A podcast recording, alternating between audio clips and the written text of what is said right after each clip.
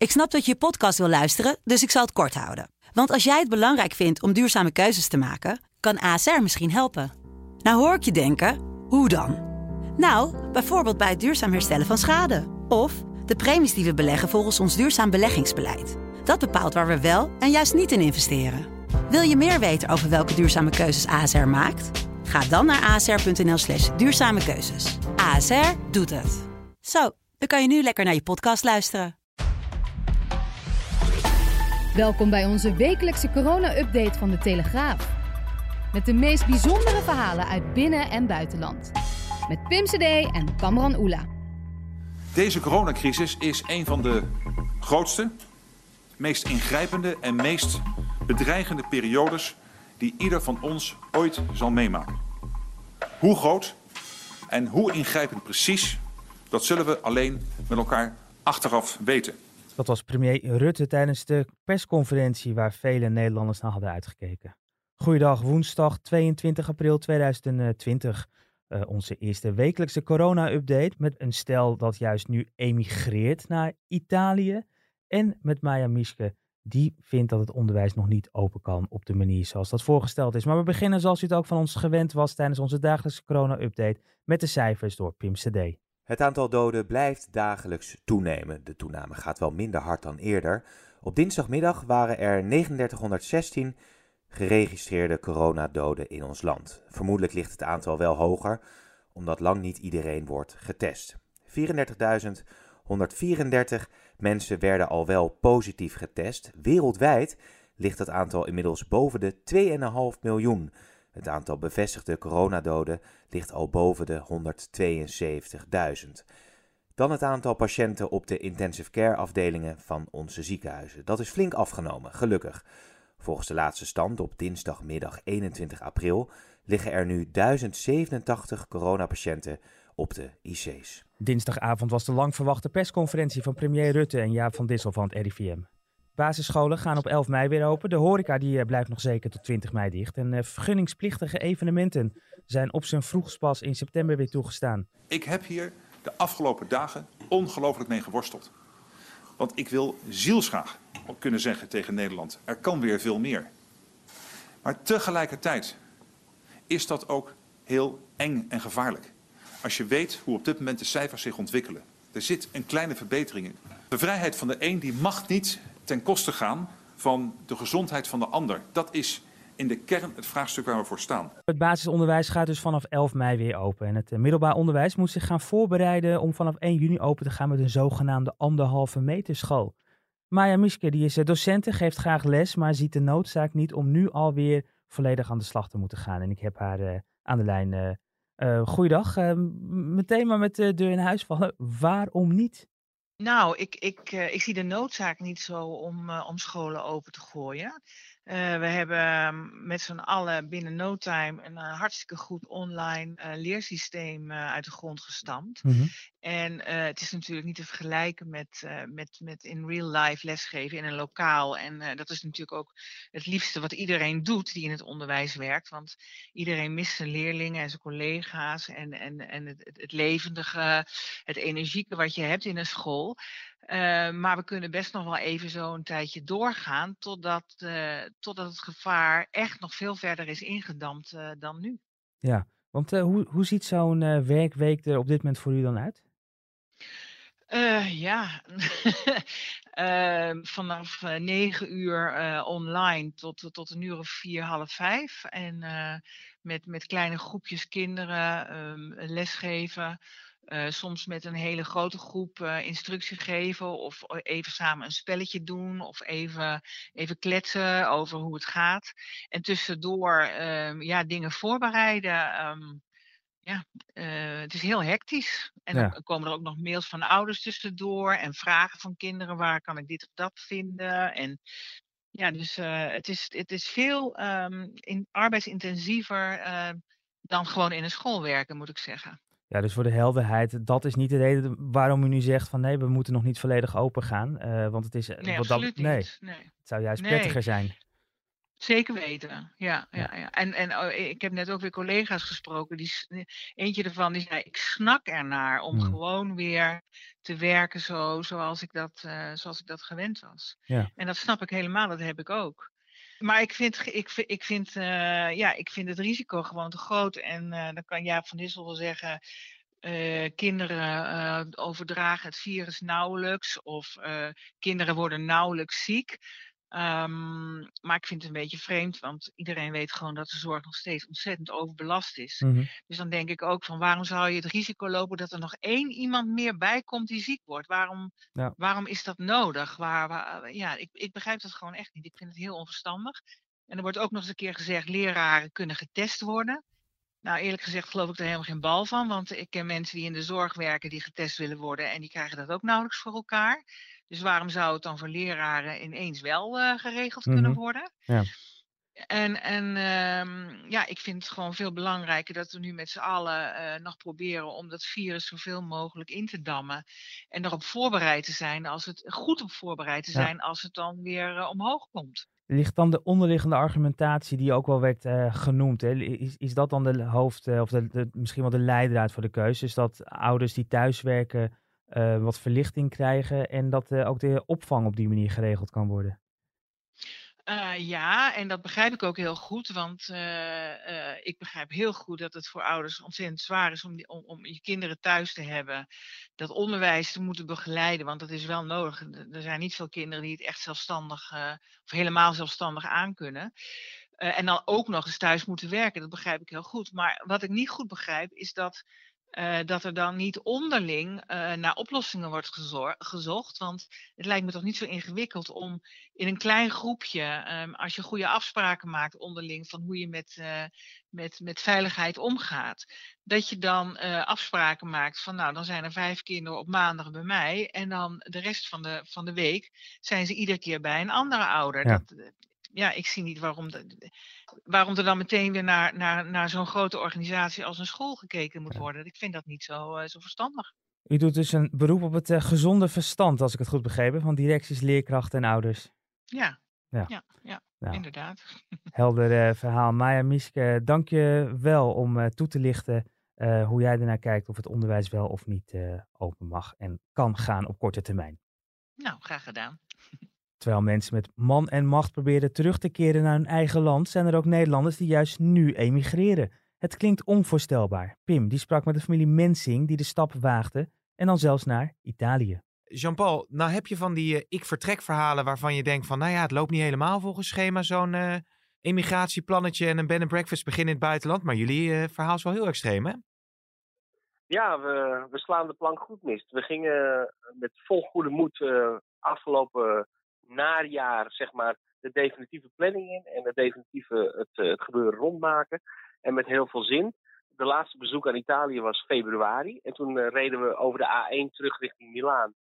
Eh, toen zagen we allerlei dorpjes eh, aangekondigd staan dat we zeiden: hey, volgens mij was hier, is hier het coronavirus begonnen. En dergelijke en dergelijke. En toen kwamen we terug en toen, ja, brak de pleuris uit.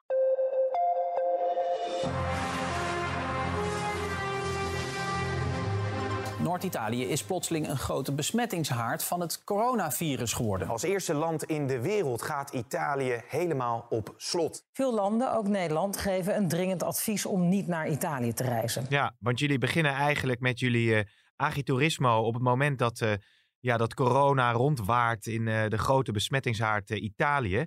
Ehm, er zijn natuurlijk mensen die zeggen van ja, dan kan je het beter niet doen.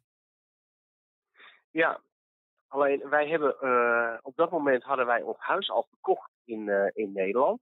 De, de planning zijn we al jaren mee bezig. Of we zijn al jaren aan het kijken dat we dit willen doen.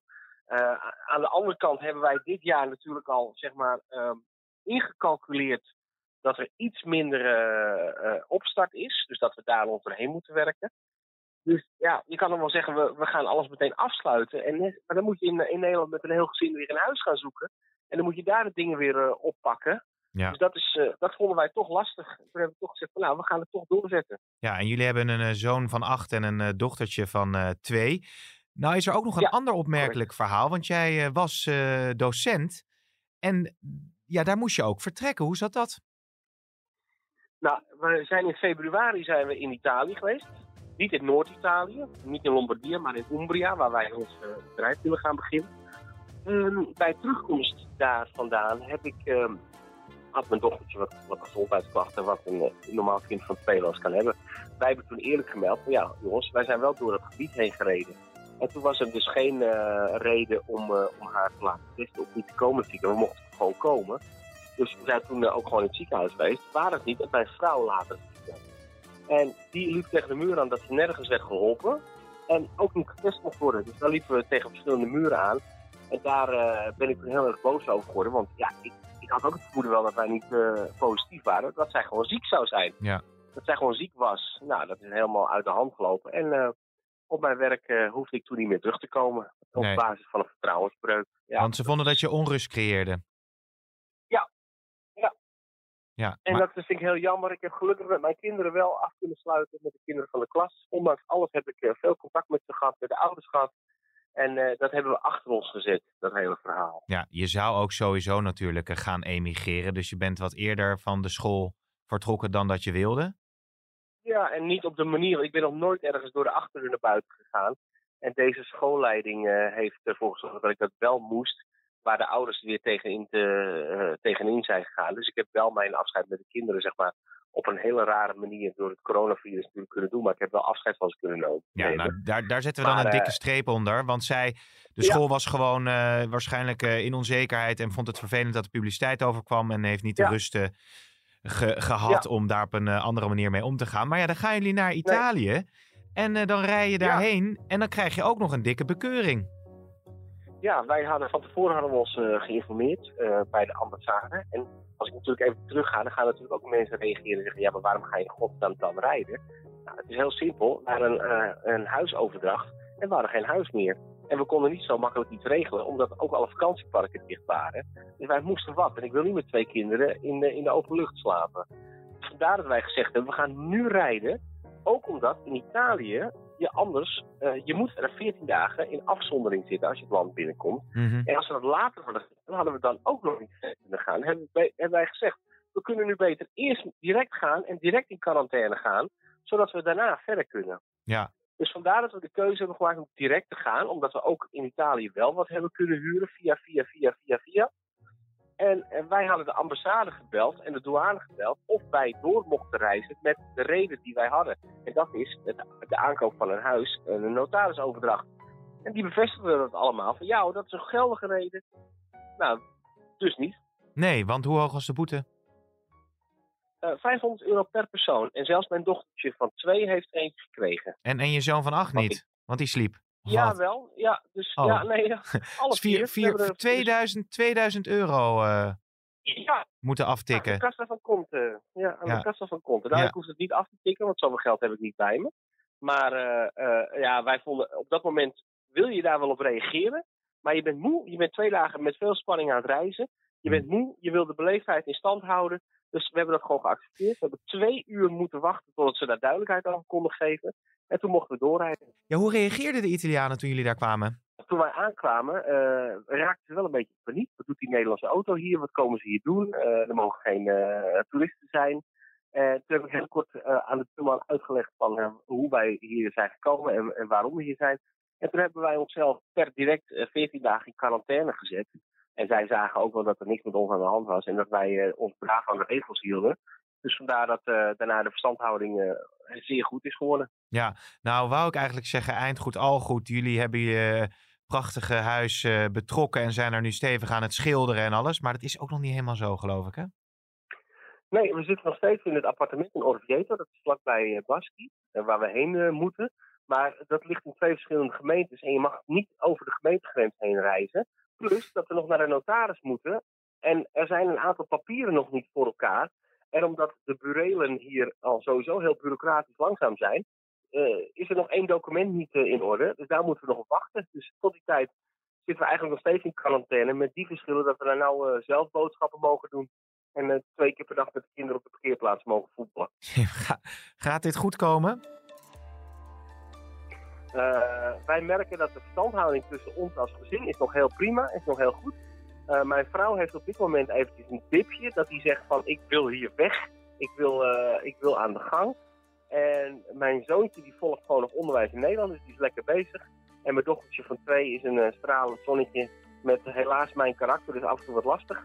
maar uh, ze, doet het, uh, ze doet het heel prima. Oké, maar als ik dus nu... wij als gezin doen we het goed. Ja, maar als ik nu vijf maanden vooruit ga aan de tijd, zijn jullie dan een ervaring wijzer en een teleurstelling groter teruggekeerd in Nederland? Of is jullie agriturismo in Umbrië dan helemaal tot wasdom gekomen en komen de eerste toeristen daar?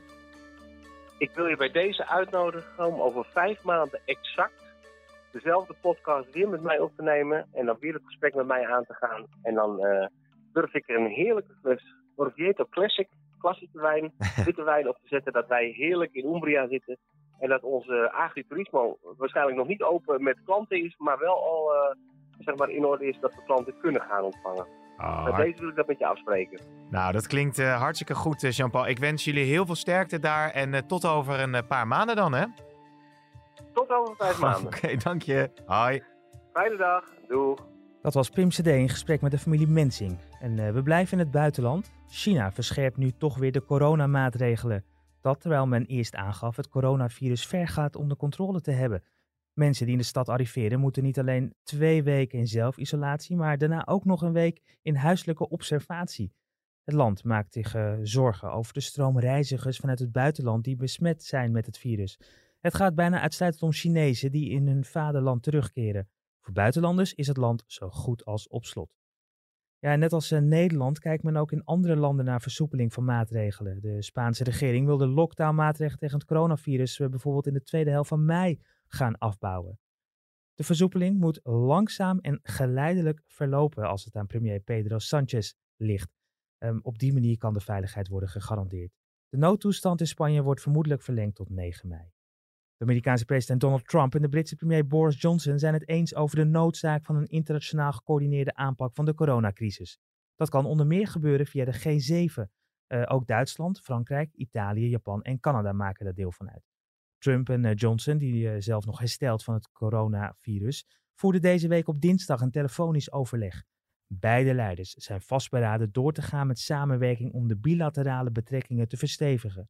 Daar hoort ook de zo spoedig mogelijke ondertekening van een vrijhandelsakkoord bij, al dus een woordvoerder van Boris Johnson. En dan toch weer coronabesmetting op een cruiseschip. Op het Italiaanse cruiseschip Costa Atlantica om precies te zijn. Dat ligt op dit moment voor onderhoud in het dok in de Japanse stad Nagasaki.